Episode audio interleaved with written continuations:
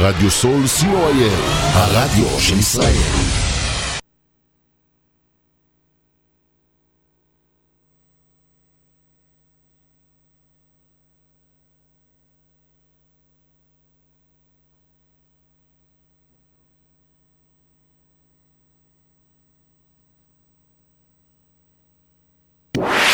רדיו סול co.il, הרדיו של ישראל.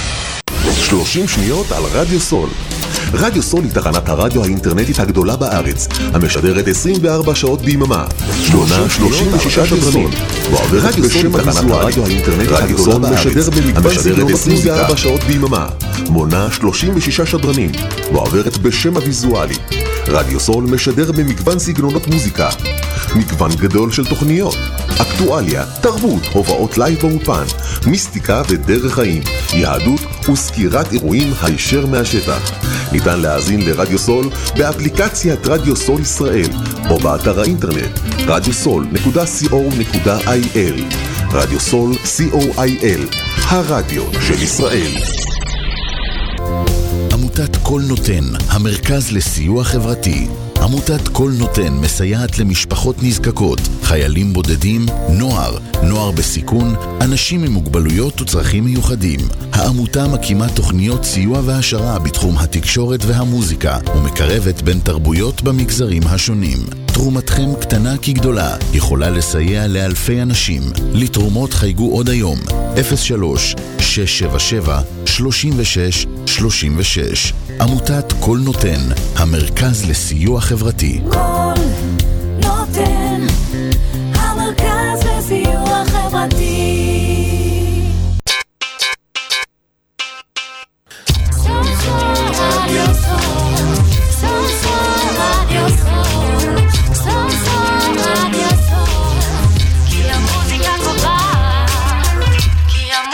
Marco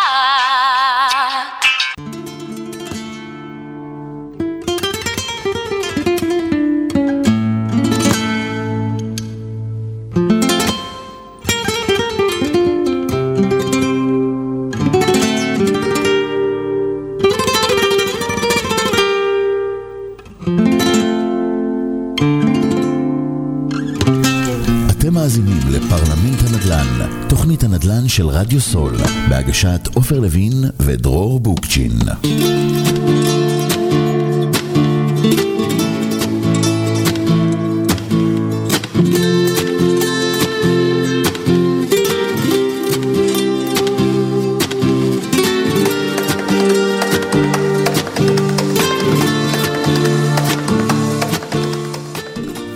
צהריים טובים, אה, צהריים טובים, אה, לוין ודרור בוקצ'ין. וואו, לא- דרור בוקשי מתחילים לזהות את הקול שלך כאן ברדיו. אה, הנה התחלנו עם הסטלבט. מזל שאין לנו את ריקו היום על הקו, שבכלל יעשה פה חגיגות. כן, כן, כן. מה שלומך עופר? בסדר, מצוין, מצוין. יש לך. שר- שיכון חדש עוד כמה דקות בטח, או שהוא כבר הושבע. ושר? פנים חדש, אה. ממשלה חדשה. כן, נו, בוא בוא נראה מה יקרה, אתם יודעים, אנחנו, לא- לא שמתי את הטלפון על שקט, שנייה, השתק, אה, אף אה, למשך שעה, כן, כן, יש לנו שעה של שקט, תכף אני אתייג אותך, אסף. צהריים טובים, אסף ראם, מה קורה? צהריים טובים, אחלה. להתקרב. להתקרב למיקרופון, דבר ממש קרוב. כן, אה, דרור, אתה קצת להתרחק דווקא, אוקיי. כן, מה מה העניינים? מצוין, מצוין, שמח להיות כאן. אסף ראם, זכיין רימקס בעיר, הרצליה. פסיק הרצליה. ככה נקרא המקום, רימקס בעיר, נכון? רימקס בעיר, הרצליה, פעילות בהרצליה, רעננה ורמת השרון. נהדר, אז. בזמן שדרור שואל אותך שאלה וחצי, מאיפה, איך אה, התחלת אתה- וכמה זמן, בשביל המאזינים שלא מכירים לא, אותנו, כן. אותך יותר נכון, אותנו כבר מכירים, אני אעשה תיוגים בינתיים בפייסבוק. אוקיי. טוב, אז- אז אה, אסף או אסי, א', אה, כמה מילים עליך, מי אתה, מה אתה, ואיך הגענו עד הלום. אוקיי, אז כמו שאמרת, אסף ראם, אני אה, הגעתי להרצליה בגיל 22, ונכנסתי לתחום תיווך נדל"ן. ממגדל העמק, נכון? ממגדל נכון. העמק. איזה יש- זיכרון יש לי. ישירות ממגדל העמק עופר, כל הכבוד, אחלה זיכרון. אה, ובאמת, אה, ככה, הייתי סוכן נדל"ן הרבה מאוד שנים, שזה אומר בערך 14-15 שנה. ואחרי 14 שנה רכשתי זיכיון של רימקס בהרצליה. ואני בכיסא הזה כבר אה, ב... נכנס לשנה ה-13. 13 שנים בהרצליה. 13 שנים. לא, 13 שנים כזכיין רימקס בעיר. באותו. מקום, בסוקולוב, עם כל השינויים של סוקולוב, והאין חנייה וזה. אין חנייה. למרות שאתה. חייב לספר לך, פעם שעברה שהייתי אצלכם בכנס, לפני חודשיים כמעט, כן. היה לי חנייה. בסמטה ליד. לא, לא, ברחוב, יש שם, אני למדתי נהיגה בבית ספר גיל, הוא היה פעם יושב שם איפה שקפולסקי שם בעיר, הבאתי חנייה, שאני חיפשתי לראות את המורה לנהיגה שלי, מתגאה בחנייה שעשיתי שם. כזאת חנייה מדויקת בחיים לא היה לי. אוקיי, אז אז בעצם הפעילות שלך הם בשלוש ערים. כן, רעננה. הפעילות שלנו בהרצליה, רעננה ורמת השרון. כמובן שיש את, הישוב, את היישובים מסביב כמו הר סוף, כפר, שמריהו, וגם אה, שם אנחנו פועלים. אוקיי, אה, אה, יש הבדל בין שלושת הערים האלה? כאילו, אה, קודם כל, יש, כשמישהו נוסע, כן. הוא מצליח להבין איפה הוא עובר מ-X ל-Y? די גבולי, קשה מאוד. בר- בין רעננה להרצליה עוד אני מבין קשה מאוד איפשהו. אה, להרגיש שאתה עובר בין הרצליה לרמת השרון, כי זה ממש אה, רחוב אחד צמוד. שצמוד ומחבר. המעבר מהרצליה לרעננה הוא, הוא קצת יותר בולט. יש קצת אה, מרחבים ירוקים, אבל לא יותר מדי. אתה, אתה ממש עלול לפספס את זה. מה מה הדמיון ומה השוני בין הערים? תראה, הרצליה אה, היא עיר אה, שאני חושב שהיא די מחברת בין סוג האוכלוסייה של רמת השרון ורעננה, ויוצא הרצליה. אה, משהו קצת כזה... הרצליה היא מאוד מגוונת באוכלוסייה שלה. היא מאוד מגוונת. שכונות כאלה, שכונות אה, כאלה, כן, שכונות כן. כאלה ושכונות כאלה, פשוט... אני- אני לא יודע, תזכיר לי איפה אתה גדלת, עופר? לא, איפה בצפון. לא, אני, אני קריאתי במקור עד גיל 11, עשיתי עלייה וגרתי ברעננה, אבל אני אגיד לך שאני, אה, בערך אחרי הצבא, אני גרתי ברחוב השולמית בהרצליה חמש, שש. שנים. אה, בד... אוקיי, אבל שהזכרתי עם רעייתי דירה. גדלת בעצם בקריות? עד גיל 11. עד גיל כן, 11. אבל קריאתי, לא כן. אז אם היו שואלים אותך על הרצליה, אם היית פוגש מישהו מהרצליה, מה היה עובר לך בראש? פיתוח מצד אחד, לא, אתה, כן, אני לא יודע אם בגיל, אם כשאני גדלתי כל כך דיברו על הרצליה פיתוח, אה, חוץ מבגבעת חלפון, אה, מול הים. כן. אה, כן. אני- אני הכרתי אנשים מהרצליה, אני חייב להגיד לכם, אה, ב- אוקיי. בתור אה, קרייתי לשעבר. הכרתי, אבל אנשים רגילים. אה, נגדיר את זה כמוני כמוך. אה, לא... התקלת אותי בשאלה שאני לא יודע את התשובה שלה כרגע, אה, אבל זה כמו ש... לא, היום אתה שואל אותי... לא, אבל, אבל רגע, שנייה, יש תעבורה בין הערים, מישהו ש... אני שואל את- אני שואל את עופר, מכיוון שרוב האנשים שהם שומעים הרצליה, אז זה מייצר להם חשיבה של נכסי יוקרה, אנשים עשירים מאוד. עדיין, אה, אתה יודע מה? אני אענה לך על משהו אחר. היום, אם אני לוקח אותי לפני 20 שנה, אחרי שהתחתנו ואמרנו איפה נגור, אה, והאחים של אשתי, וגם אחותי, אה, תושבי רעננה במקור, הבנו שאו שאנחנו גרים בהרצליה, או שאנחנו עוברים לכפר סבא, כי רעננה היא הרבה יותר יקרה. אוקיי. וגם הרצליה באותה תקופה יחסית הייתה יקרה, או שזה לגור במרכז העיר, שבזמנו לא היה שכונות חדשות כמו שבכפר סבא כן נבנו. נכון. וזו אחת הסיבה שמצאנו כולנו את עצמנו. ברעננה גם היה. רעננה, אבל... יותר מאוחר אולי. לא, היה את לב הפארק בזמנו שנבנתה כשכונה חדשה, שעדיין הייתה נחשבת אה, יקרה הרבה יותר אוקיי. מאשר השכונה שהיום בכפר סבא אנחנו גרים. אז-. כן, אז אז, רגע. אז, אז גם בהרצליה, וגם ברעננה, וגם ברמת השרון, יש מכל הסוגים. קשת אנשים רחבה. מכל הסוגים, קשת רחבה מאוד, ובאמת אתה תפגוש אנשים אה, ברמה סוציו-אקונומית מאוד גבוהה, וגם לפעמים קצת די נמוכה. נכון, תיקח, אתה יודע, תמיד אומרים, רמת השרון, יותר קל לשמוע... כן. תוצדה מרמת השרון, אבל ברמת השרון יש שכונות נכון, קשות מאוד. נכון. אני לא יודע אם היום עדיין, אבל הם כולם עדיין קיבלו יש התחדשויות, מקומות, אבל אה, ברמת השרון עדיין- שהם פחות אה, משגשגים. לא כולם זה רחוב הלבונה ברמת השרון, בול. נגדיר את זה ככה. בול, בול, אה, במערבית, כן? מי שפספס. כן, כן. שנגור ברחוב הלבונה. ורגע, ויש תעבורה בין הערים? כלומר, אנשים עוברים, או ש... אה, יש תעבורה לא דרמטית, אנחנו כן מרגישים אה, תעבורה יותר מ- מתל אביב, לצורך העניין, מ- מהעיר הגדולה, אוקיי. אה, אלינו, בגלל מחירי הנדל"ן. אנשים לא מסוגלים לקנות נדל"ן בתל אביב, ומגיעים אלינו. מגיעים, ל- מגיעים להרצליה, לרמת השרון, לרעננה, מבינים שהם יכולים לאתר נכסים במחירים קצת יותר נמוכים, זה עדיין לא דרמטי יותר נמוך, אבל זה כן מאפשר להם למכור נכס אה, קטן יותר, לצורך, העניין משד, משפרי דיור, דירת אה, שלושה חדרים ולעבור לארבעה חדרים באותו כסף להרצליה, מתל אביב לצורך העניין. או קצת להוסיף כמה גרושים ולרכוש חמישה או חדרים. אפילו להוס- להוסיף כמה גרושים ולרכוש חמישה חדרים. כמה? ככה. אה, לא בדיוק כמה גרושים, אבל אה, כן. להוסיף אה, ולרכוש חמישה חדרים. עדיין, אה, אני חושב שזה כן, אבל ברמה, אה, מי שגר ביישובים האלה, רעננה, רמת שרון, אה, הרצליה, הוא יעדיף להישאר, לשדרג בתוך היישוב עצמו. כן. פחות עושים את. ה shifting בין אה, כן, רמת שרון והסיבה ל... העיקרית אה, זה, אתה יודע, ילדים אה, חינוך גדלים, בתי הספר. בתי ספר, חינוך, רוצים להישאר באותו אזור, אז גם אם מנתקים את הילד ממעבר. מ- מרמת השרון להרצליה, הוא עדיין יכול אה, להגיע לחברים, לפגוש אותם. זה ניתוק פחות קשה. כן. זו הסיבה האמיתית. אה, יש את הנושא שכן, אני חושב שבאמת בהרצליה אה, עובד יפה מאוד אה, אדון פדלון, אה, עם כל כן. הנושא של החינוך, חד משמעית. אה, נותן שם בראש, כמו שאומרים, וגם ברמת שרון, אה, אבי, חבר טוב שלי גם. אה, אוקיי. אה, יש לנו הוא- קשרים. הוא היה פעם בטייסת, רק שתדע שהוא היה עוד, רק התעסק עוד, היה חבר אה, מועצה. הוא היה הוא בטייסת הכריז נדל"ן על הליכתו לבחירות לפני שמונה שנים. בת- בתוכנית של עופר. אה, וואו. כן, כן, סיפר אוקיי. את זה אצלי, כן. והוא עושה עבודה יפה גם כן ברמת שרון. יפה. לגבי שאר הראשי ערים, אני מנוע מנ- מלי- אוקיי. מלהגיב כרגע, מפאת כבודם. תגיד, אסי, אה, אז אתה נדל"ניסט? ב- ב- כלומר, אתה שולט ב... כן, כן, מגיל 22, אני בינואר חוגג 49, וואו. וכן, הרבה אנחנו מאוד שנים. לינואר הבא. אה, כן, לא, קרוב.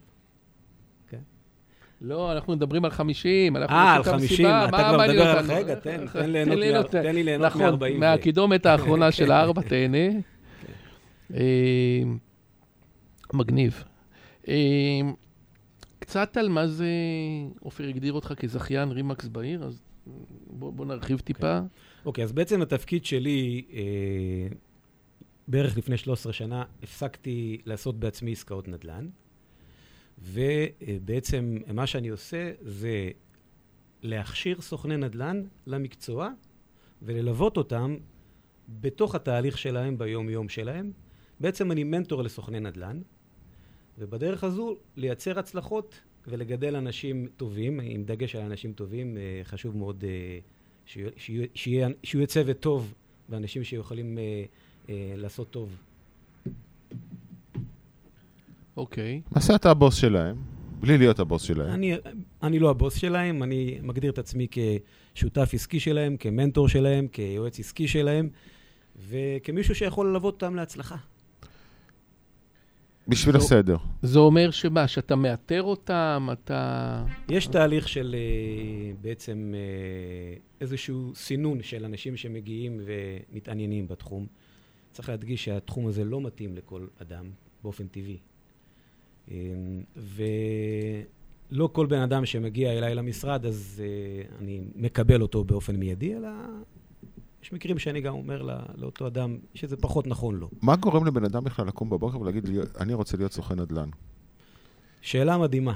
כי הרבה פעמים, אתה יודע, אני... אני, אני כתבתי, מי מגיע? מי מגיע אליך? מי זה. אז זהו, שמגיעים אנשים ממש... של אדום. כן, כן, אני אומר. אני... לא, אתה, יודע, אני, מסתכל ואתה שומע, פייסבוק, בוא תעשה כסף במכירת אה, זה, בוא תעשה כל מיני כאלה דברים. אז זהו, שאנשים uh, מגיעים uh, באמת מקשת רחב מאוד של... Uh, אם זה חבר'ה שסיימו צבא, ואם זה אנשים שככה החליטו לעשות uh, שינוי בקריירה, והגיעו למסקנה שמה שהם עושים פחות מתאים להם ורוצים לשנות, ומגיעים אליי, uh, ואצלי במשרד אתה תפגוש אנשים שהגיעו מעולם העסקים, ואתה תפגוש אנשים שהתחילו את דרכם במקצוע, כמו למשל אביב הרץ שהיה פה אה, בתוכנית שלך לא מזמן, ואתה תפגוש גם אנשים שהגיעו מהוראה, או ממש מקשת רחבה. קריירה מאוד. שנייה. קריירה שנייה, ממש ככה. ו- וכשאני מסתכל על קריירה שנייה, דרך אגב, אנחנו יכולים לראות גם מנעד הגילאים מאוד מאוד גדול שם ב- אצלך במשרד, נכון? כן, כולם. לגמרי, לגמרי. יש אה, סוכנים שהם בגיל 25, וסוכנים שהם בגיל 65. וואו. עכשיו, לא, אתה יודע, הרבה פעמים אתה מסתכל מהצד ואתה אומר, רגע, זה בין, בין ה-25, יש לו יותר מרץ, והוא רץ ורץ. מצד שני, זה בין 65, יש לו סבלנות, ולפעמים הוא גם לא לחוץ יותר מדי להרוויח, כי יש לו כנראה פנסיה, או יש לו כבר, הוא פחות... הוא אני כבר- מבין מה אתה אומר. בסוף זה לא קשור ל- לכמה כסף יש לך בחשבון בנק, זה עניין של רעב להצלחה. ואם אתה בן אדם עם רעב להצלחה, אז לא תמיד אם יש לך מספיק כסף בחשבון בנק, אה, זה מה שגורם לך לקום בבוקר ולעשות יותר במשך היום. זה מאוד משתנה. צריך את האנשים הנכונים. אז מי מתאים? שאלה יפה, מי מתאים? אז ככה, אז קודם כל, סוכן נדל"ן לא חייב להיות האיש מכירות הדורסני, האגרסיבי. ההפך, אני פחות מתחבר. אה, אה, דוגמה מאוד יפה, אביו, הוא לא הדורסני, ה- נכון, הוא מאוד עדין, הוא מאוד... יש- אמר לך, אני לא מתחבר לדורסני. לא, לא, אני אומר, אני לוקח... כן, כן. אני- כן. אביו יש לו את הסכין בגרב, הוא לא מחזיק אותה בין השיניים, נגדיר את זה ככה. אז מגיעים אליי אנשים שהרבה פעמים שואלים אותי, תשמע, אני לא איש מכירות אה, ש... שרואה את עצמי קם בבוקר ומתחיל אה, לתפוס שני סכינים בידיים ולרוץ. לא צריך להיות כזה. לא צריך להיות כזה. צריך להיות קודם כל בן אדם, ש... שבאמת, איך אומרים, אה, רואה את עצמו כן מסוגל למכור. אם אתה לא רואה את עצמך מסוגל למכור, אז זה פחות נכון. צריך להיות איזושהי מסוגלות אה, ורבלית, אה, סוג של אה, יחסי אנוש מספיק טובים. צריך, צריך קשר טוב עם אנשים, בסוף אתה פוגש אנשים. אינטליגנציה, אינטליגנציה רגשית מאוד מאוד גבוהה, אני חושב צריך להיות סוכן כן. נדל"ן בשביל להתחבר לאנשים, כי בסוף הוא נכנס אליהם הביתה. נכון. בסוף אתה פוגש, אה, אתה לא תמיד פוגש קונים, אתה גם הרבה פעמים פוגש בעל נכס, שצריך את אחת העסקאות הגדולות בחייו אה, להחליט אה, למי הוא נותן לטפל. ופה הבחירה היא לא פשוטה, ויש תחרות. הרצליה, יש לה כמה סוכני נדל"ן? בהרצליה יש בערך 150 סוכני נדל"ן אה, פעילים אה, באופן אמיתי. כמה עסקאות יש בעיר הזאת? בשנה? קשה מאוד... אה, אוקיי, לא, גם זה לא, זה שהוא גר בהרצליה לא אומר שהוא לא עושה ברעננה או ברמת כן. שרון. ו- יש תנועה יפה בהרצליה. אני, אני לא רוצה להיכנס למספרים בכמות העסקאות בהרצליה, כי זה נתון שהוא, אה, אתה יודע, שהוא מאוד ב delay. רשות המיסים מדווחת על עסקאות ב delay של חודשיים, שלושה לפחות.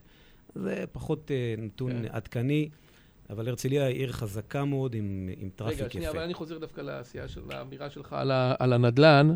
אמ, אז אתה אומר, קודם כל, המרכיב שאתה מחפש אצל, אצל מי שרוצ, שאתה מאמין שהוא יצליח, זה את היכולת שלו לתקשר עם אנשים, לדבר עם אנשים ו, כן, ולמכור. תראה, בגדול, אה, היה אצלי בשבוע שעבר אה, סוכן פוטנציאלי, שבעצם הוא איפשהו נראה מאוד, אה, מאוד מתקשר, אוקיי. מאוד מתקשר, אה, אבל הוא די כבוי כאדם, הוא לא, אין בו, אתה לא רואה את התשוקה, אוקיי. אתה לא רואה את הרצון להצליח, אז, אז הוא ורבלי והוא מתקשר יפה, אבל זה לא מספיק. כי אתה אומר, בעל הנכס או המוכר אה, לא, לא התחבר אליו? או... הוא לא, אתה לא מזהה תשוקה לדבר הזה. צריך להיות, צריך מאוד לרצות להצליח, או- מאוד מר... אתה אומר, הוא לא יחזיק הרבה זמן מעמד. האנרגיה הוא- הגבוהה. הוא י- לא יצליח בתחום בגלל זה? אה, הוא לא יצליח אה, חושב שזה- לשרוד? הוא- הוא לא יצליח לעבור אצל הלקוחות? זה לא יעבור, לא יעבור מסך אצל המוכר. אוקיי. וזה משהו שהוא מאוד מאוד חשוב. כלומר, אתה רוצה להצליח במשהו, אתה צריך כל כולך לרצות באמת להיות all in, מה שנקרא. אם אתה אוקיי. all in ואתה כל כולך בזה, עכשיו... אני אני אשאל שאלה רעה, אוקיי. בכוונה, אבל מה אכפת לך? בסך הכל, אם הוא לא הצליח, אז הוא מקסימום אה, נשם אוויר במשרד, אולי שילם שקל וחצי על הקפה, ואם הוא הצליח, המשרד מרוויח מזה. שאלה מדהימה. היא רעה קצת, אבל... כן, אצלי במשרד, אה, סוכן, אה, לא בא, מקבל מחשב, כיסא, שב, תעבוד. הוא מקבל אותי כ- כמלווה שלו, כמלווה עסקי שלו, אוקיי? וזה הדבר הכי דרמטי. מעבר לזה שהוא מקבל מותג מאוד גדול, רימקס, שפותח דלתות, הוא מקבל אותי בתוך התהליך. כלומר, יש פגישה, פגישת עבודה קבועה איתי, פעם בשבוע, איתו ביומן, שעה, שעתיים. יש, יש ישיבת צוות קבועה, פעם בשבוע, כל יום ראשון. יש uh, את השוטף, הוא צריך סיוע, הוא צריך עזרה במשא ומתן, ליווי לגיוס נכס בבלעדיות. יש לו דילמה עסקית, הוא מדבר איתי. הזמן שלי יקר, אני רוצה להשקיע את הזמן שלי באנשים שכדאי להשקיע בהם, ובסופו של יום יש לי גם איזושהי אחריות אה, הגיונית, כמו שאני חושב שלכל אדם צריכה להיות, לא לקבל בן אדם שלא מתאים. אין לי עניין לעשות נזק לאנשים, אני צריך לקבל אליי למשרד אנשים שאני לפחות רואה את הפוטנציאל אצלם לעסק הזה. אם אני מזהה פוטנציאל אצל אותו סוכן פוטנציאלי או סוכנת, לצורך העניין, אז אפשר לעבור לשלב הבא. אבל אם אין שום סיכוי שאני רואה פוטנציאל, למה שאני אקבל אותו? בגלל שהוא לא נושם אוויר במשרד? תחשוב שאם אתה לא מאמין שהוא יצליח, אז הוא לא יצליח, זה אחד. ושתיים, יש לך במשרד אה, 15 חבר'ה שרואים שנכנסים לפה אנשים ולא מצליחים. נכנסים, לא מצליחים, הם ממשיכים הלאה. איזה אווירה זה ייצור. ברור. אבל, אבל עופר אומר, עופר שואל את השאלה, לא סתם, אירחנו פה לא מזמן מישהו שאמר, משרד תיווך זה כמו, תדמיין, דלי עם חורים. ואתה צריך לשפוך מלמעלה כל הזמן, למלא אותו בידיעה שיש לך חורים בדלי ויוצאים ממנו אתה מים. מדבר ואתה על רוצה... הצוות במשרד? כן, כן, כן. ואתה צריך כל הזמן אה, לפתוח את הברז מלמעלה ולהזרים יותר מאשר יוצאים מהחורים. אוקיי. אני חושב אתה שזו בעצם- אמירה יפה, אבל בוא נשמע כן, מה הוא אתה אומר. בעצם אומר שצריך כל הזמן דם חדש. כן. לא אני אה, אומר, אני אומר, כן. מצטט אורח שלנו. אוקיי, אז בגדול זה מאוד משתנה. יש אנשים שהם מאוד יציבים במה שהם עושים.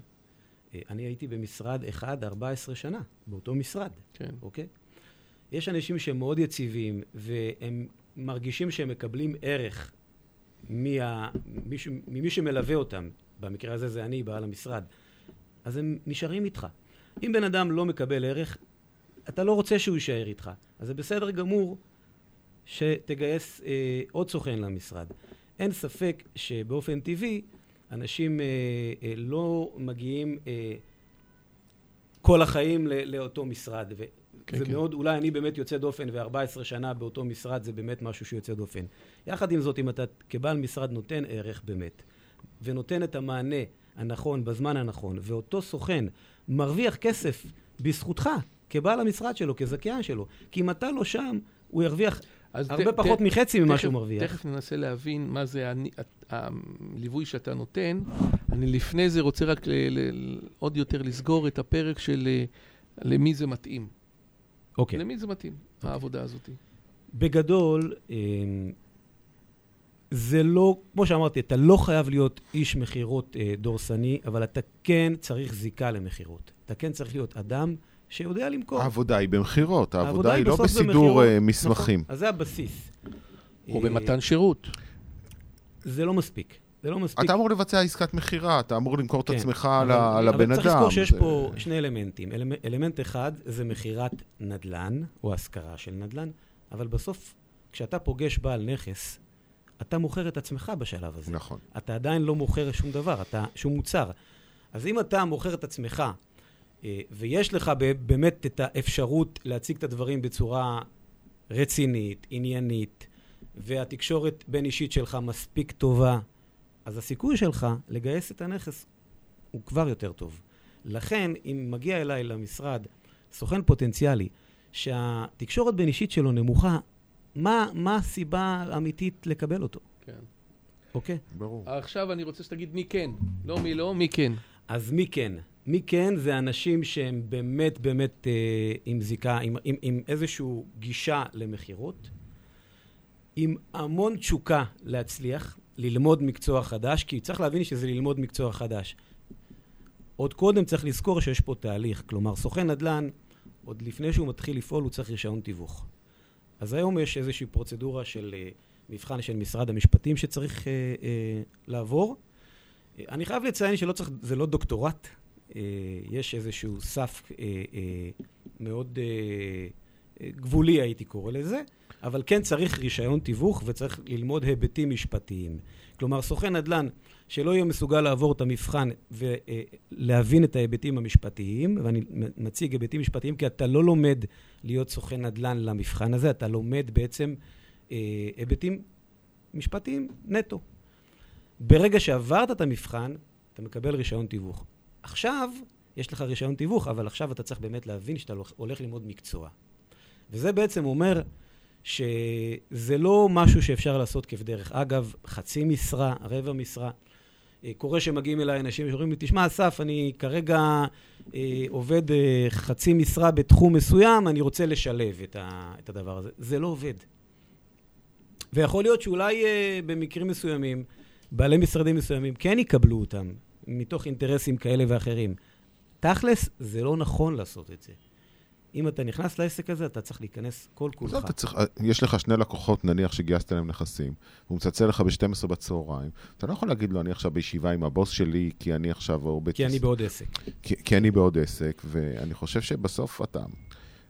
אני מסתכל, אתה יודע מה, אני אקח את ה- לעולם שלי. אני חושב שיועץ משכנתאות, שהוא מתעסק בעוד שבע עבודות מסביב, הוא לא יועץ, הוא... לא שבע, עוד אחת. עוד אחת או שתיים, אני כבר הייתי בעבר בוועדת קבלה, והיה לי, אה, אני כבאי, ואני נהג מונית, ואני מתווך, ואני רוצה גם להיות יועץ משכנתאות. ואני לא קיבלתי אותם להתאחדות.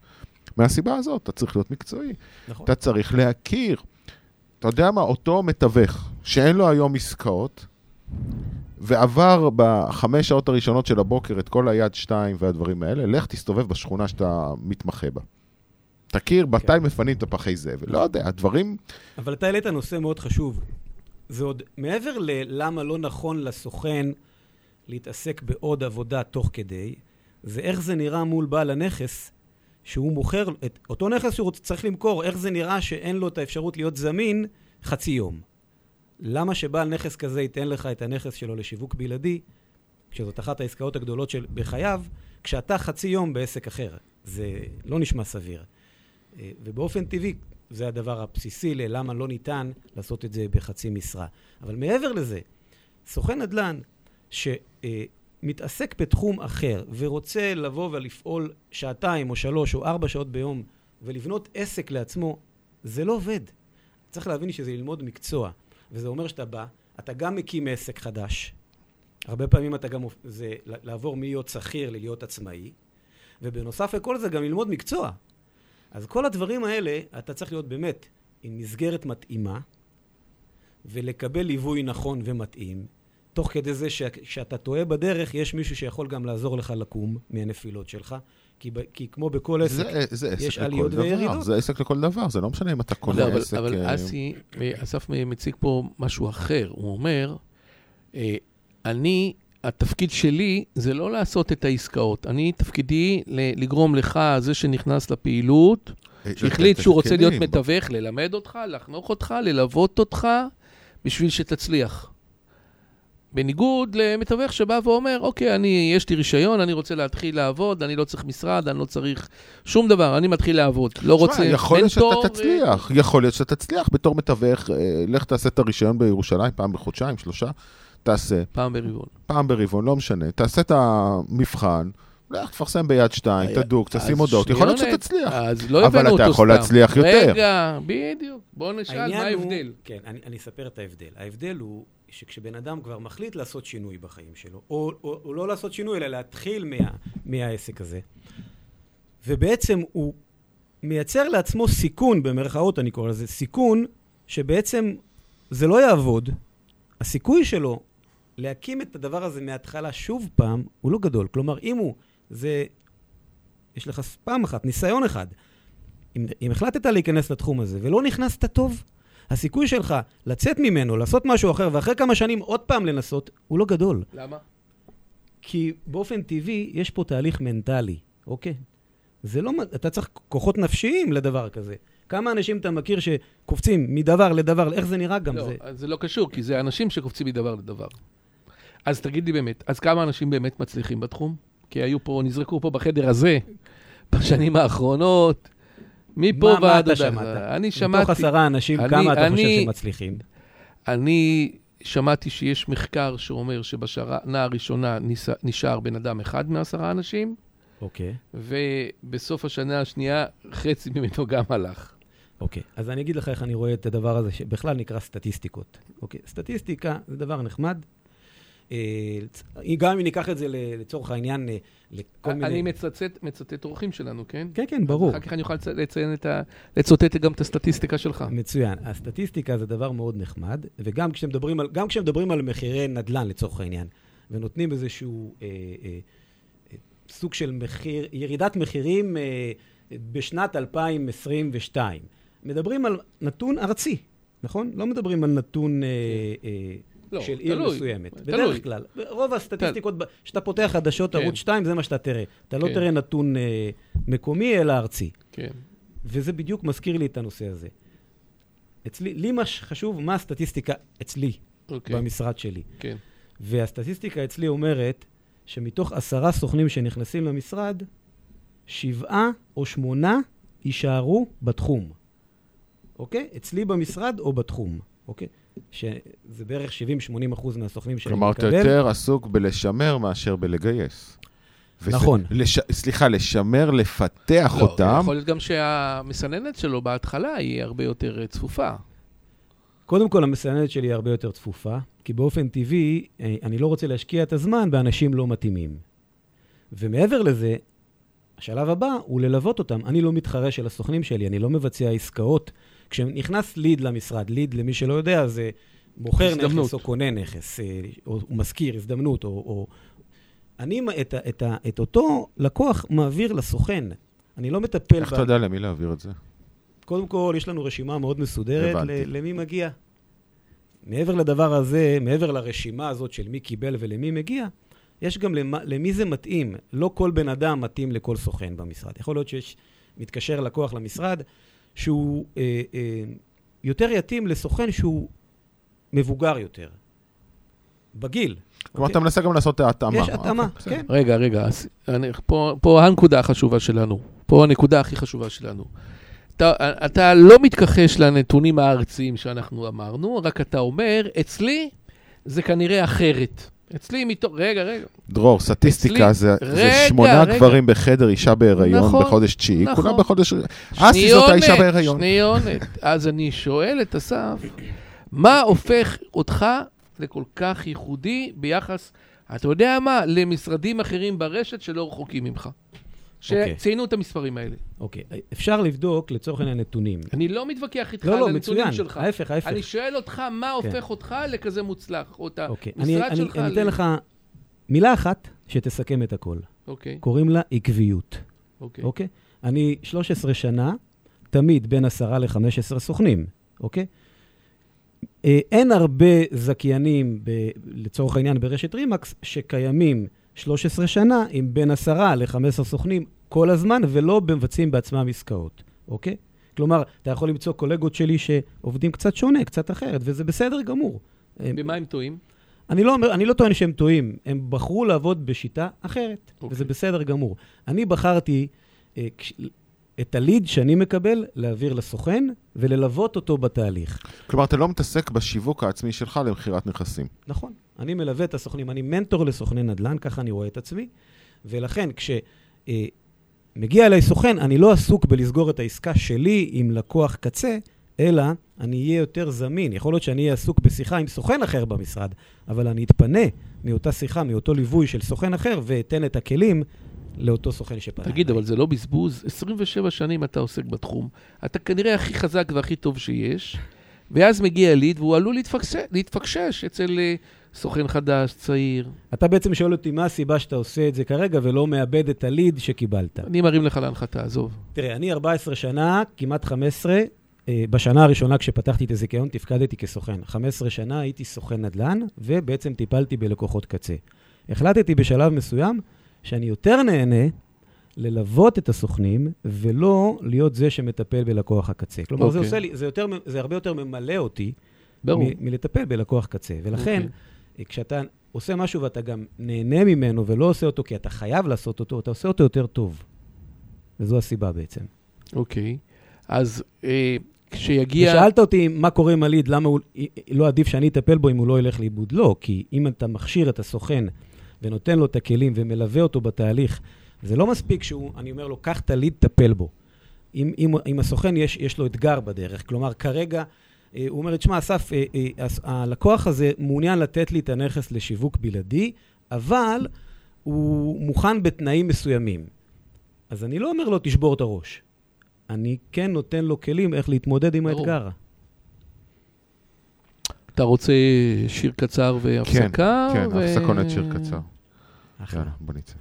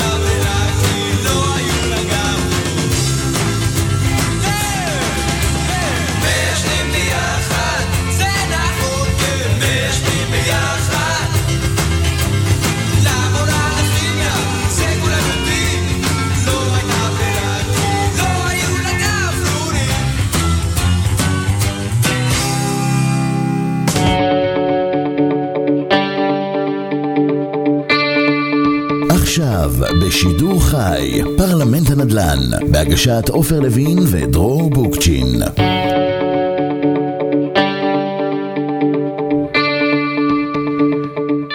צהריים טובים, צהריים משובחים, צהריים טובים. אה, אסף ראם, מה המצב? צהריים טובים, מצוין. צהריים טובים, אה, דרור בוקצ'ין. תודה, עופר. קצת לפה, אני- תתרחק קצת אני- מהמיקרופון, ת- או, אני, שים לא, אני אוזניות. חייב לראות את אה, אסף. לא, אבל שים אוזניות כי אתה מדבר פתאום יותר מדי קרוב. בסדר. אתה צריך שגם אני אשים אוזניות? לא, לא, לא, אתה בסדר. אה, אנחנו- הוא בסדר, לא, הבעייתי. ככה דרור ישמע את עצמו, כן. וידע להתרחק או להתקרב. אה, מקסימום אני אחליס אותך קצת. תן, אתה יודע מה? בוא נעשה כזה דבר. בוא ניתן לאסף לדבר. יאללה, אסף אה, קדימה, אה, כאן אה. לוחצים בסיום השידור. לא. לא, אנחנו נשאר רגע כמה שאלות. אתה אה, הדגשת קודם, והזדמנות לחזור לזה, שבעצם בן אדם צריך להבין שהוא לומד מקצוע חדש. זאת אומרת, אמרת, אני מנטור לנדל"ן, אני מכשיר, אני זה, בוא תספר קצת על מה זה, מה זה אה, ללמוד מקצוע חדש, מה זה נקרא להכשיר סוכן נדל"ן. אוקיי.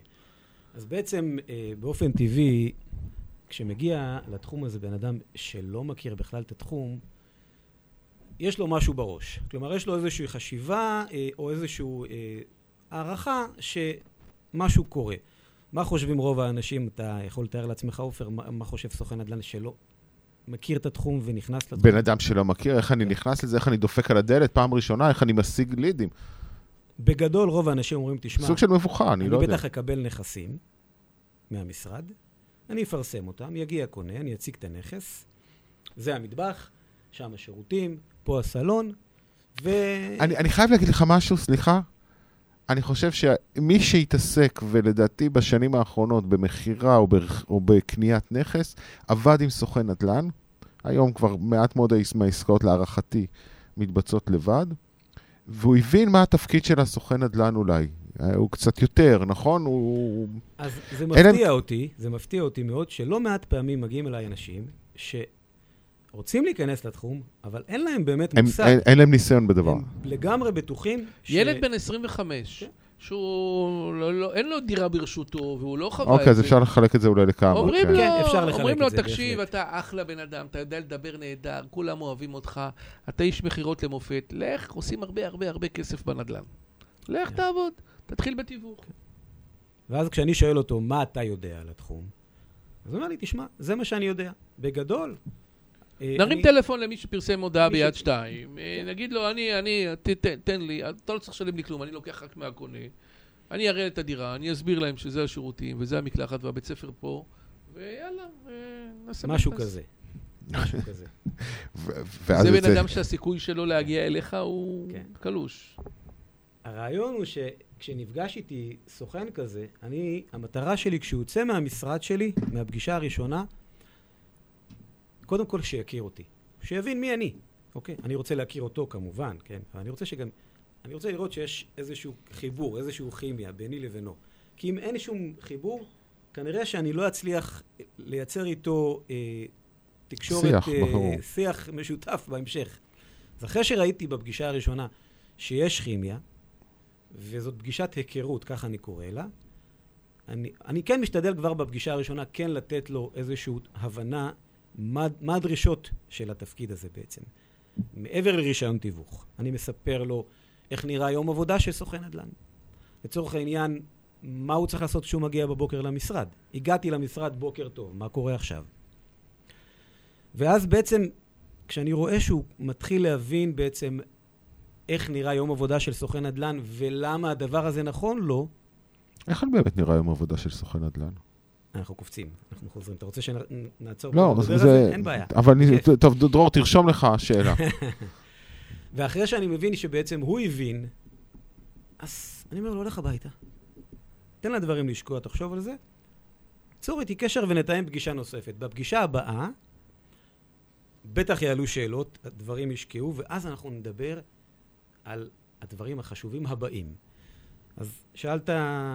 איך נראה יום איך עבודה נראה יום עבודה של סוכן נדל"ן? נדל"ן? אז קודם כל יש הבדל גדול מאוד ביום- בין יום עבודה של סוכן נדל"ן שנכנס למקצוע, לבין יום עבודה של סוכן נדל"ן שנמצא אצלי במשרד חמש או שבע שנים. יש כאלה סוכנים שנמצאים אצלי חמש, שבע שנים כבר.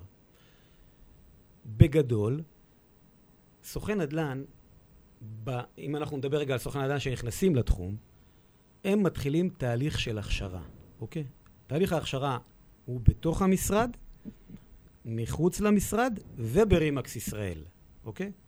כלומר, תוך כדי שהסוכן עובר קורס שנקרא זינוק לעסקים ברימקס ישראל, שהוא מקבל כלים, אם זה אה, לצורך העניין אה, תמחור נכסים, גיוס נכסים בבלעדיות, טיפול בהתנגדויות.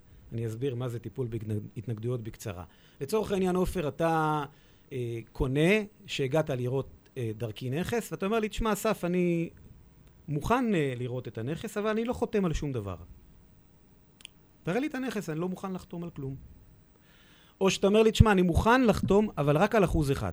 כששכר הטרחה של... צריך לזכור עצם העובדה על החתימה, זה סוג של אה, הסכם ביני לבינך, שאני, אם אני ארכוש את הנכס, אני, יש, אני, אתה, אני, אתה זכאי כן, אבל צריך לשכר לזכור שיש פה טרחה. גם חובה של הסוכן מבחינת החוק לקיים את ההסכם הזה. כלומר, סוכן חייב מבחינת אה, החוק במדינת ישראל להחתים את הטופס הזה, לא להציג נכס בלי לה, להחתים את הטופס הזה, מעבר לזכאות שלו, שזה שומר על הזכאות שלו לעמלה.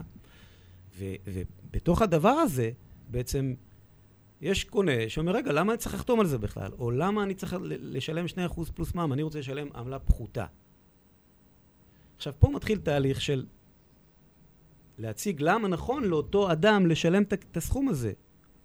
ופה זה בעצם משהו שניתן ללמוד אותו, אוקיי? דרך אגב, כל מה שאני מלמד זה לא למכור סיפורים, לא מעשיות ולא סיפורי אלף לילה ולילה.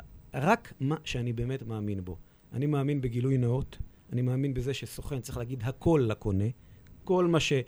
כל מה שהוא מכיר על הנכס, לת- לתת את המטראז' האמיתי והנכון של הדירה. אם יש בעיה, אם יש נזילה, אם יש משהו שהוא יודע להגיד לקונה. דרך אגב, כשאתה מציג לקונה נכס ואתה מציג את כל החסרונות והיתרונות, לקונה הרבה יותר קל להתחבר אליך. אגב, אני רוצה להעיר שלדעתי, הבעיה שלנו בתחום של מתווכים, זה שאני יוצא מנקודת הנחה שגם כולם ישרים והגונים ועושים את מה שאתה אומר. את המידע שיש להם, הם באמת מספקים.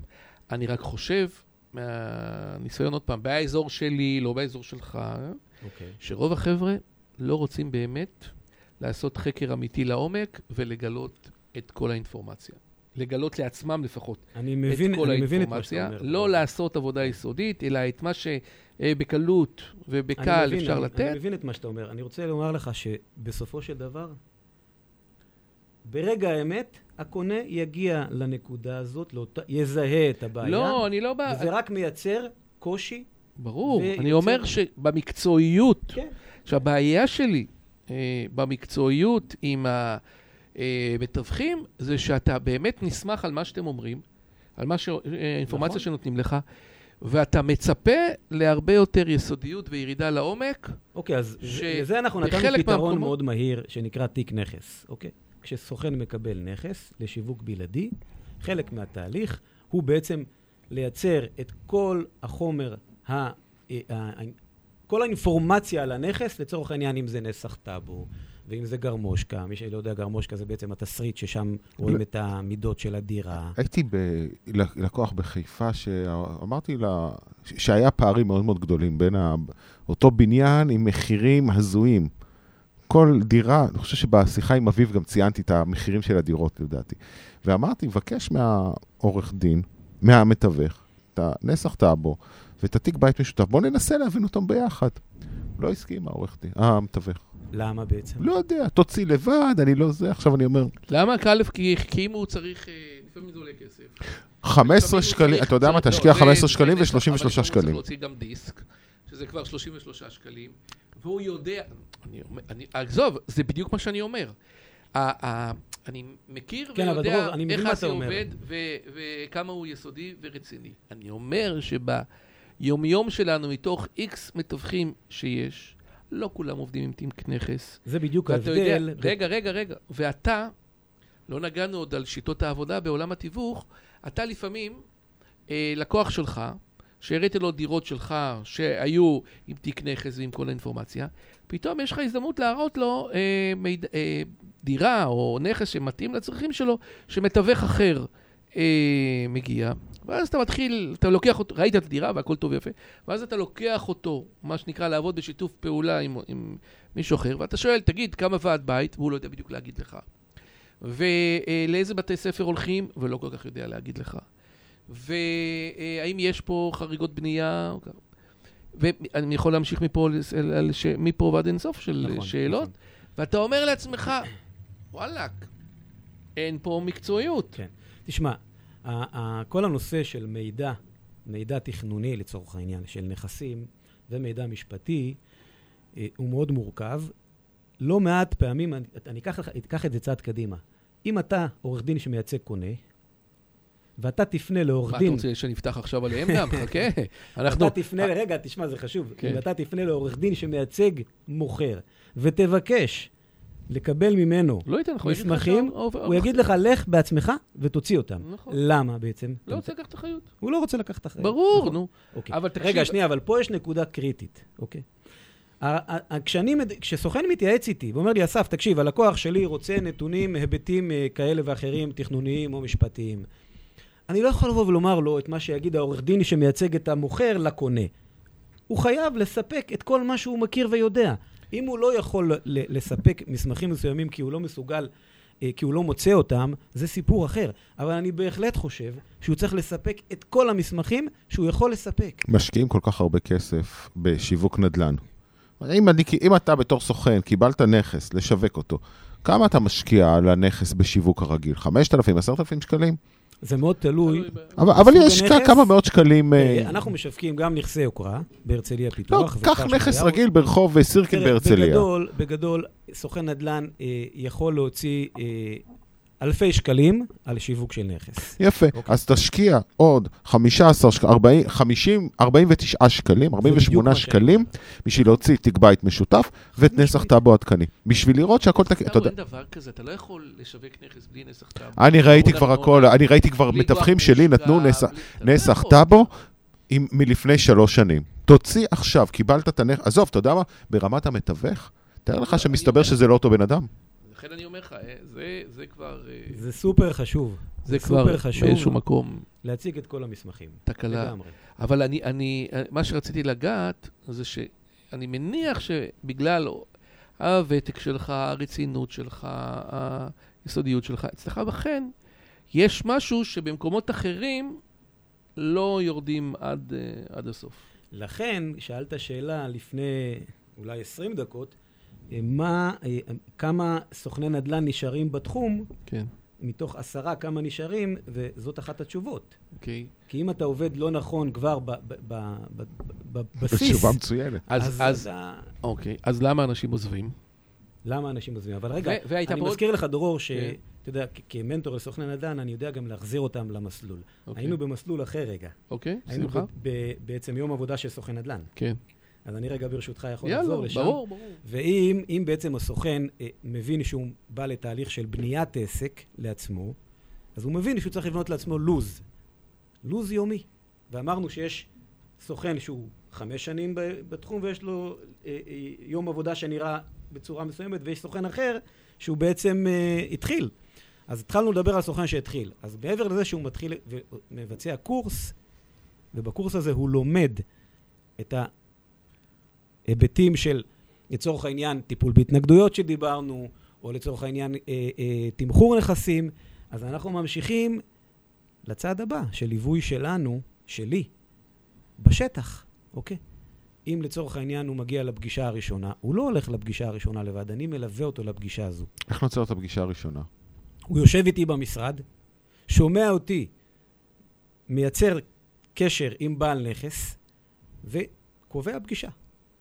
אחרי שהוא שומע אותי קובע פגישה, הטלפון עובר אליו, ועכשיו הוא יבצע את הפגישה. הוא ישים, ירים טלפון לאותו מוכר פוטנציאלי ויקבע פגישה ראשונית. ואז אני מתלווה אליו לפגישה, צופה בו, ונותן לו משוב במשרד. מה היה נכון, מה לא היה נכון. ובדרך הזו בעצם אנחנו מייצרים, מתחילים לבנות את הביטחון העצמי שלו, כי זה תהליך. זה לא פשוט לאדם שלא אה, אה, פעל בתחום אה, להרים טלפון לבעל נכס שפרסם ולהגיד, היי, מדבר אה, אסף מרימקס בעיר הרצליה, הייתי רוצה להגיע להתרשם מהנכס שלך, אוקיי?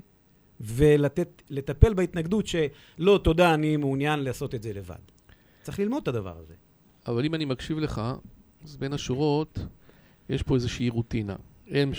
היינו קודם בגשש החיוור, דיברנו על הרצליה פיתוח, על ה... מול הים, אז, אז יש גם מערכון של הגשש שאומר, הם שואלים אותם שאלות, הם עונים אותם תשובות. לכן, הסוכן לומד לבנות, בונה לעצמו לו"ז, לו"ז שבועי בסיוע שלי, ובעצם כל יום יהיו לו, יהיו לו פעולות אחרות שהוא צריך לבצע, ובעצם סוג של ליסט, של רשימה כזו שהוא צריך לעבור ולוודא שהוא ביצע. זה יכול להיות אה, שיחות ל... עשיתי, עשיתי, עשיתי, עשיתי. כן, כן, לצורך העניין, כן. תגיד, אז למה אנשים עוזבים? מה, מה הסיבות ש... לא, אתה, אתה יכול להגיד אצלך, או מה שאתה יודע. למה אנשים עוזבים?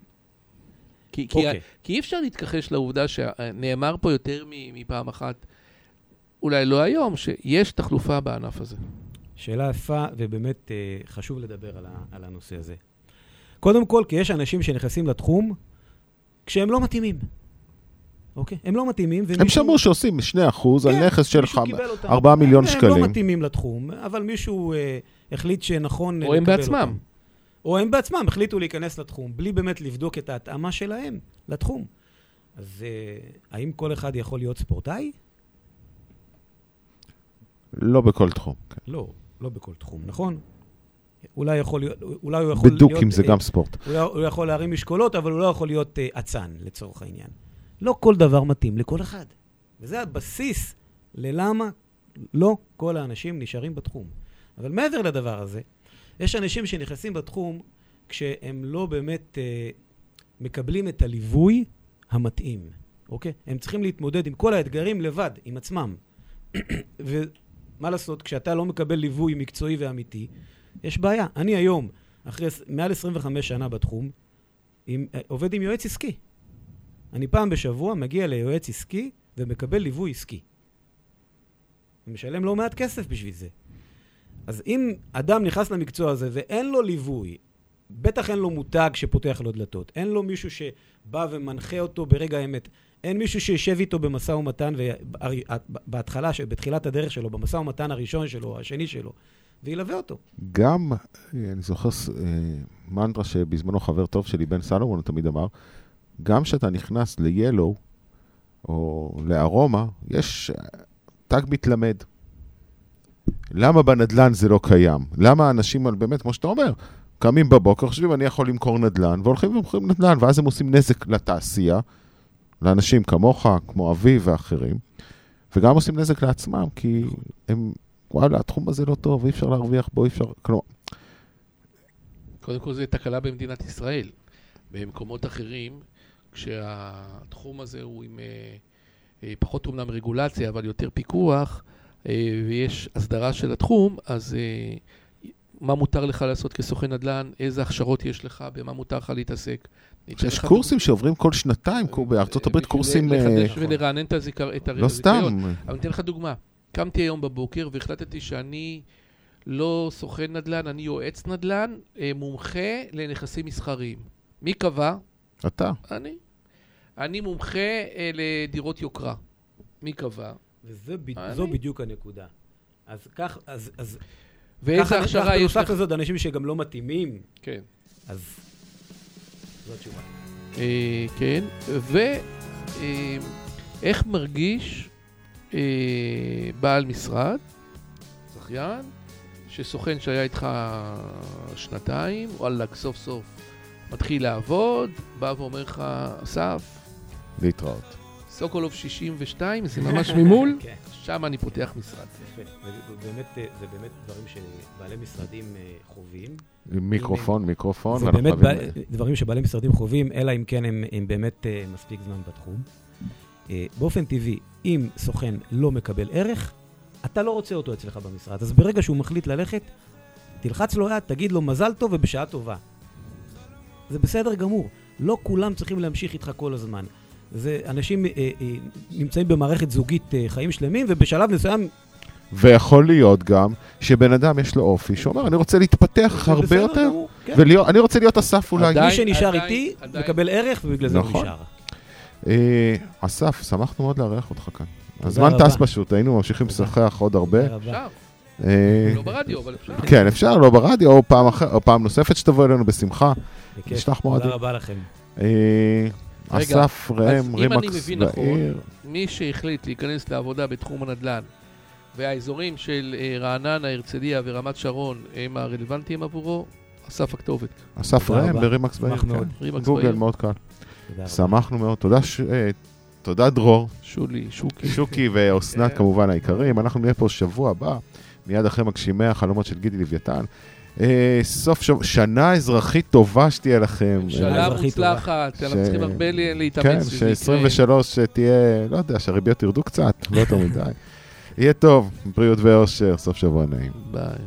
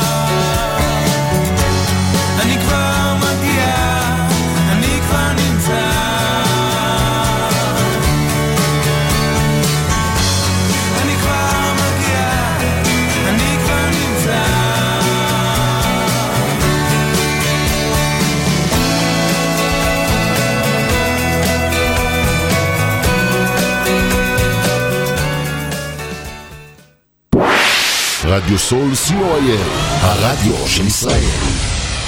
30 שניות על רדיו סול. רדיו סול היא תחנת הרדיו האינטרנטית הגדולה בארץ, המשדרת 24 שעות ביממה, מונה 36 שדרנים, ועוברת בשם הוויזואלי. רדיו סול משדר במגוון סגנונות מוזיקה, מגוון גדול של תוכניות, אקטואליה, תרבות, הופעות live באולפן, מיסטיקה ודרך חיים, יהדות וסקירת אירועים הישר מהשטח. ניתן להאזין לרדיו סול באפליקציית רדיו סול ישראל או באתר האינטרנט radiosol.co.il רדיו סול co.il הרדיו של ישראל עמותת קול נותן, המרכז לסיוע חברתי. עמותת קול נותן מסייעת למשפחות נזקקות, חיילים בודדים, נוער, נוער בסיכון, אנשים עם מוגבלויות וצרכים מיוחדים. העמותה מקימה תוכניות סיוע והעשרה בתחום התקשורת והמוזיקה ומקרבת בין תרבויות במגזרים השונים. תרומתכם קטנה כגדולה, יכולה לסייע לאלפי אנשים. לתרומות חייגו עוד היום, 03-677-3636. עמותת קול נותן, המרכז לסיוע חברתי. קול נותן, המרכז לסיוע חברתי.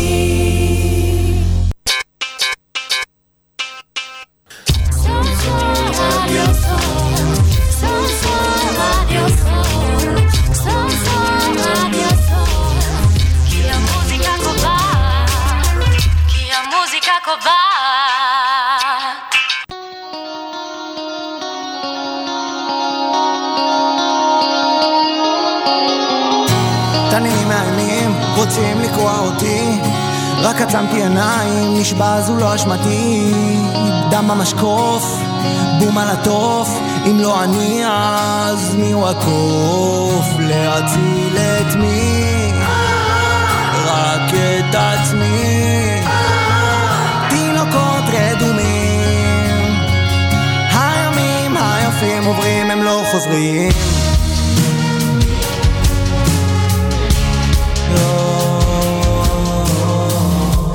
נחשים לוחשים, להקיש הם רוצים, לפחד על אחים, לא לישון בימים, את הלב רק לפתוח, לכבות את המוח, להעניק זה בלי כוח, אסור לי לשכוח, בהכאב סגול, האושר של אתמול, שלי בוכים, הם מחפשים רוצים, איך אפשר שלא לראות? זו מכה של בכורות. אני הראשון, אני הבעל השלטון, אני אריה לא ישן, אני נץ ללא כן, אני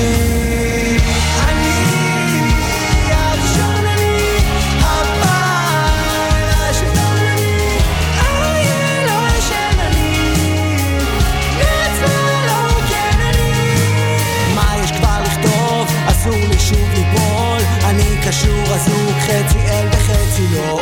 נמאס לי כבר לשתוק את הנזיד לשתות אני מגן, אני אריה, הספוט שלי תמיד הוא פה. כל אני אזרוק, נשרוף עולם הם זה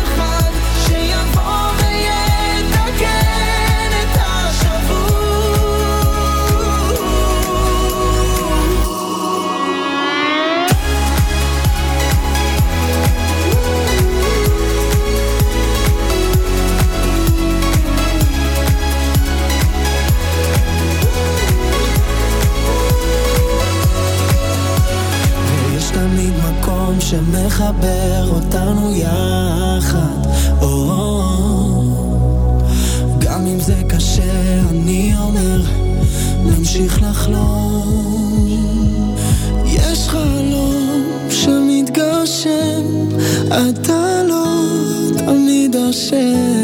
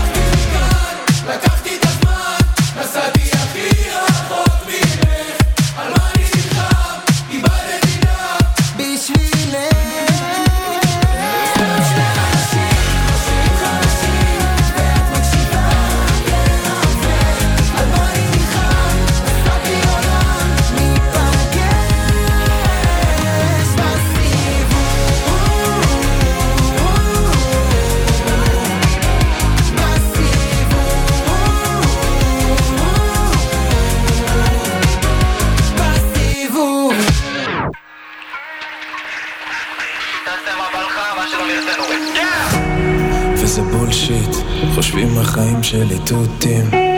זה מוזר להסביר לכולם את הווייב שהם צבועים כמו טושים מבושל כבר כמו סין סינטה חשוך לי בסים סינטה, שותה לי עוד טיפ טיפה עד שאין אותי. מרגיש את העצבים מפזרים לי מלח על כל הפצעים. אם לא טעים אז זה לא מתאים. כולם שמים אותי בפינה. מחפשים מה לקחת, מה לא לתת. נועצים בצלחת, שליטה מסלג ואני רק דואג ודואג ודואג.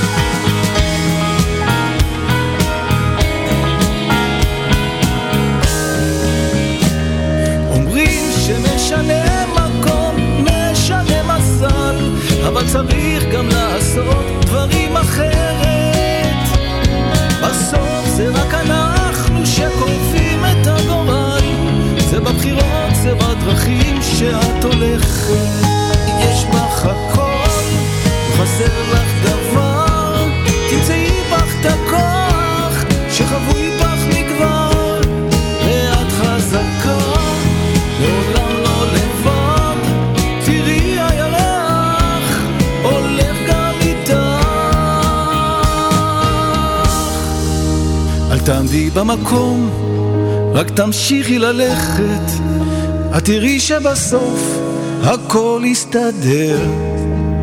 את תמצאי את עצמך, את מה שביקשת לך, והשמש שלך תאיר את דרכך.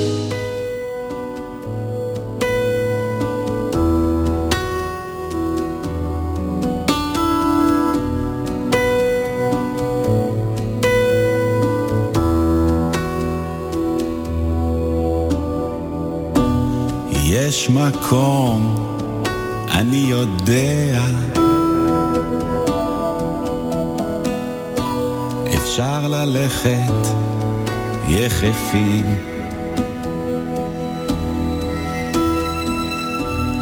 יש מקום, אני יודע,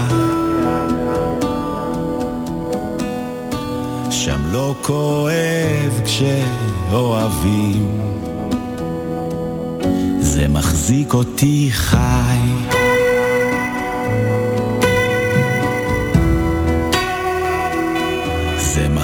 σκοτήχα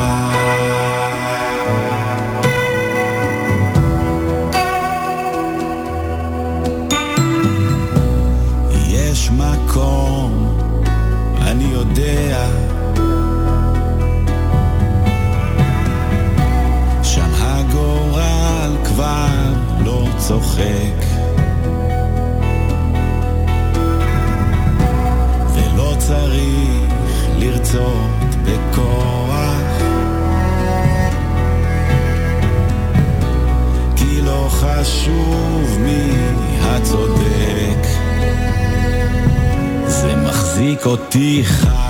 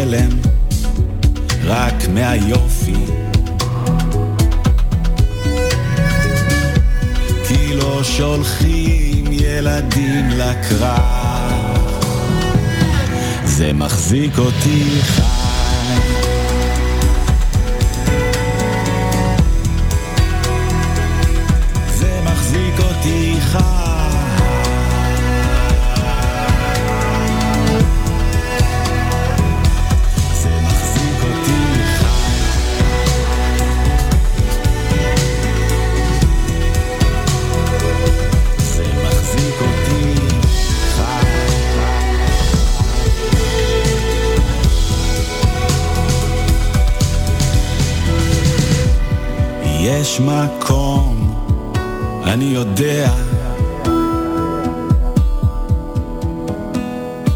שם את שלי, אני שלך. שם לא עצוב לי להגיד לך. כמה אני אוהב אותך.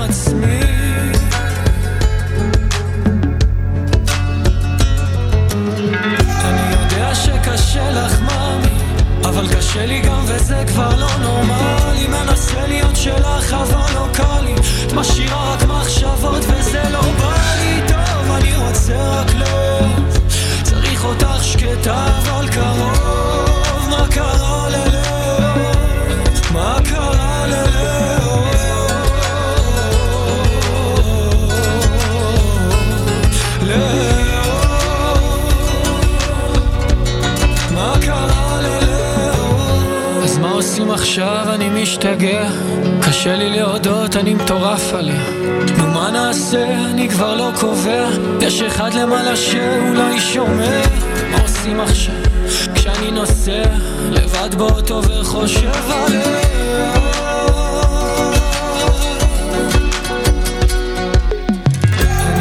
שקשה לך מאמי אבל קשה לי גם וזה כבר לא נורמלי. מנסה להיות שלך אבל לא קל לי משאירה רק מחשבות וזה לא בא לי טוב אני רוצה רק לאהוב צריך אותך שקטה אבל קרוב מה קרה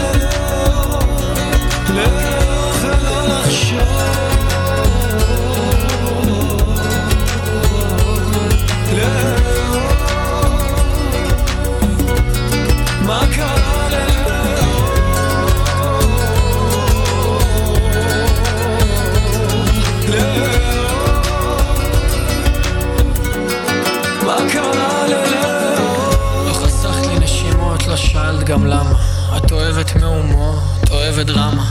מועדון חשוך באמצע תל אביב, ולמה? רק לבכות לי את המיץ, אבל תגידי כמה. זה עסק טיפה למלחיץ, אבל אגיד לך ככה. גם אם לא תרצי, בסוף כולם חוטפים את הכאפה. אם את בפנים, אז את בפנים. אני לא אשאל כבר מה. אני יודע שקשה לך מאמי אבל קשה לי גם וזה כבר לא נורמל אני מנסה להיות שלך אבל לא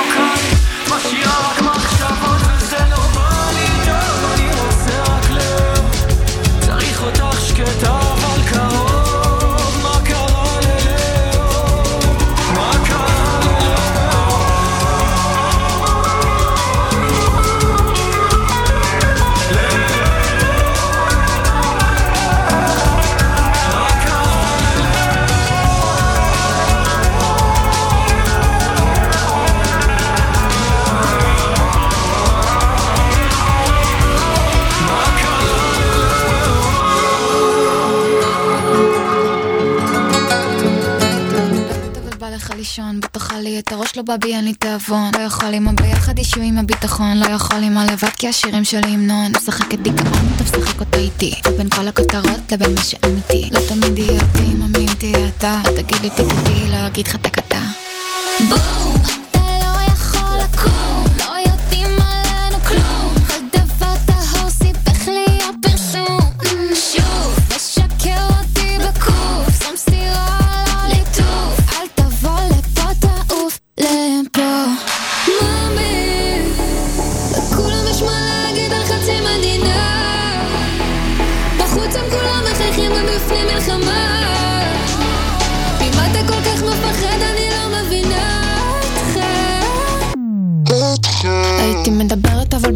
לישון תאכל לי? את הראש לא בא בי אין לי תיאבון לא יכול עם הביחד אישו עם הביטחון לא יכול עם הלבד כי השירים שלי המנון. אני משחקת דיכאון אתה משחק אותה איתי. בין כל הכותרות לבין מה שאמיתי. לא תמיד יהיה אותי מאמי אם תהיה אתה. תגיד לי תקטי אני לא אגיד לך תקתה אם אתה לא מחזיק חזק תלך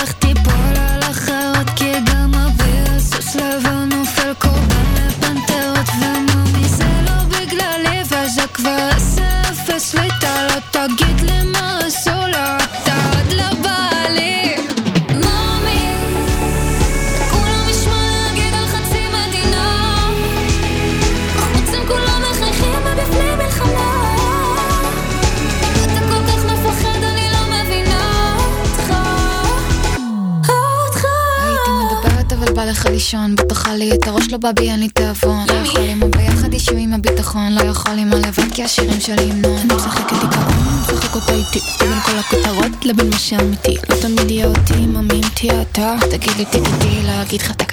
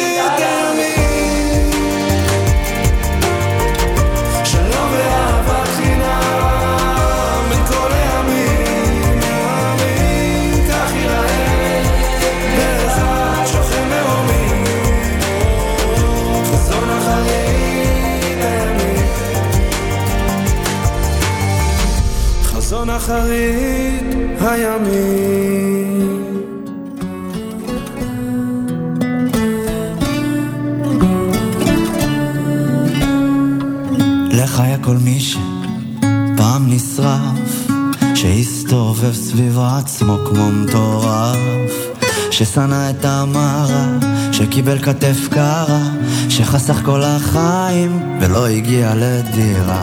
לחיה כל מי שנפל מצוק כל הלילה, נשאר לחכות לחיבוק, שניגן את הכאב. שנשאר בסוף רעב, שנשבע יותר אף פעם לא להתאהב. לחיי כל מי שחי,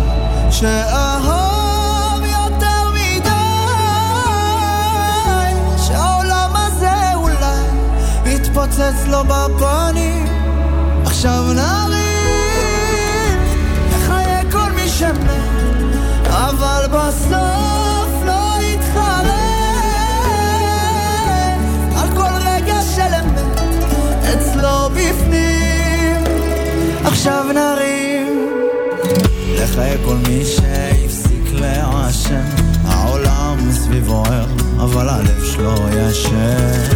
שבוחר עוד משירים מחכה לאישורים. שחושב תמיד על מה יגידו אחרים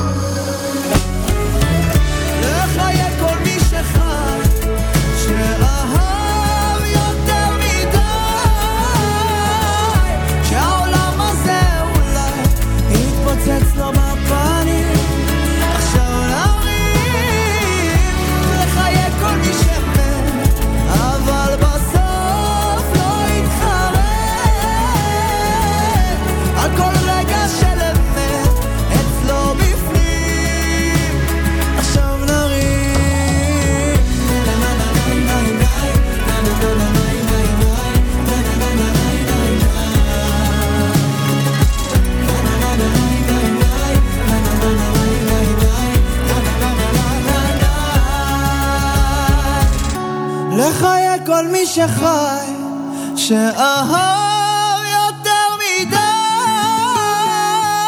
שהעולם הזה אולי יתפוצץ לו בפנים.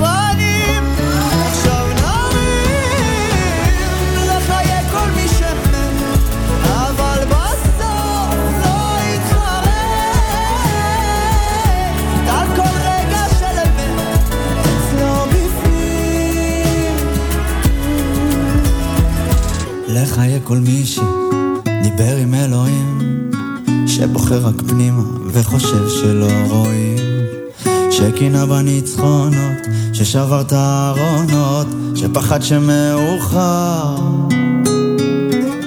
עכשיו להשתנות.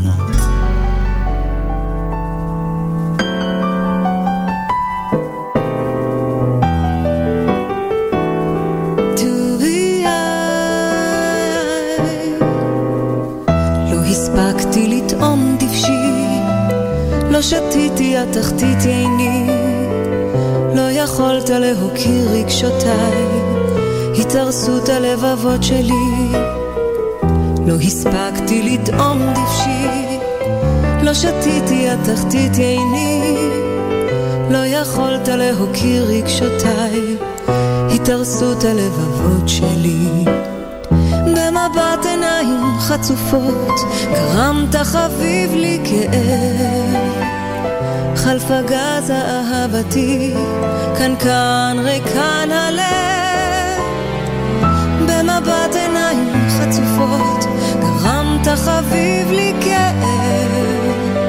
חלף הגז אהבתי, כאן ריקן הלב. ראשי מדרכה רעשנית, זיק מחשבה בו לא נשאר. המובחר ברגשי לבבי, מן השורש נעקר. ראשי מדרכה רעשנית, זיק מחשבה בו לא נשאר. המובחר ברגשי לבבי, מן השורש נעקר.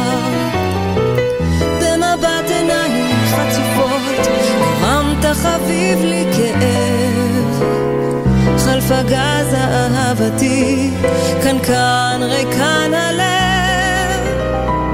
במבט עיניים חצופות, גרמת חביב לי כאב. חלף הגז אהבתי, כאן ריקן הלב.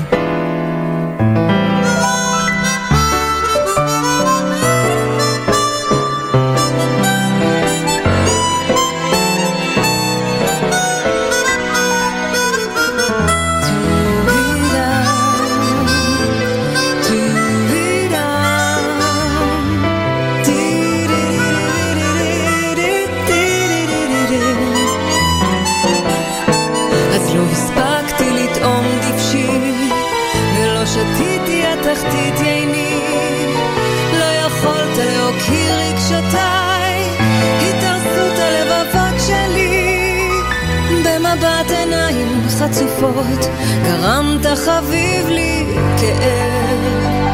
חלף הגז אהבתי, כאן כאן ריקן הלב. במבט עיניים חצופות, גרמת חביב לי כאב. חלף הגז אהבתי, כאן כאן ריקן הלב.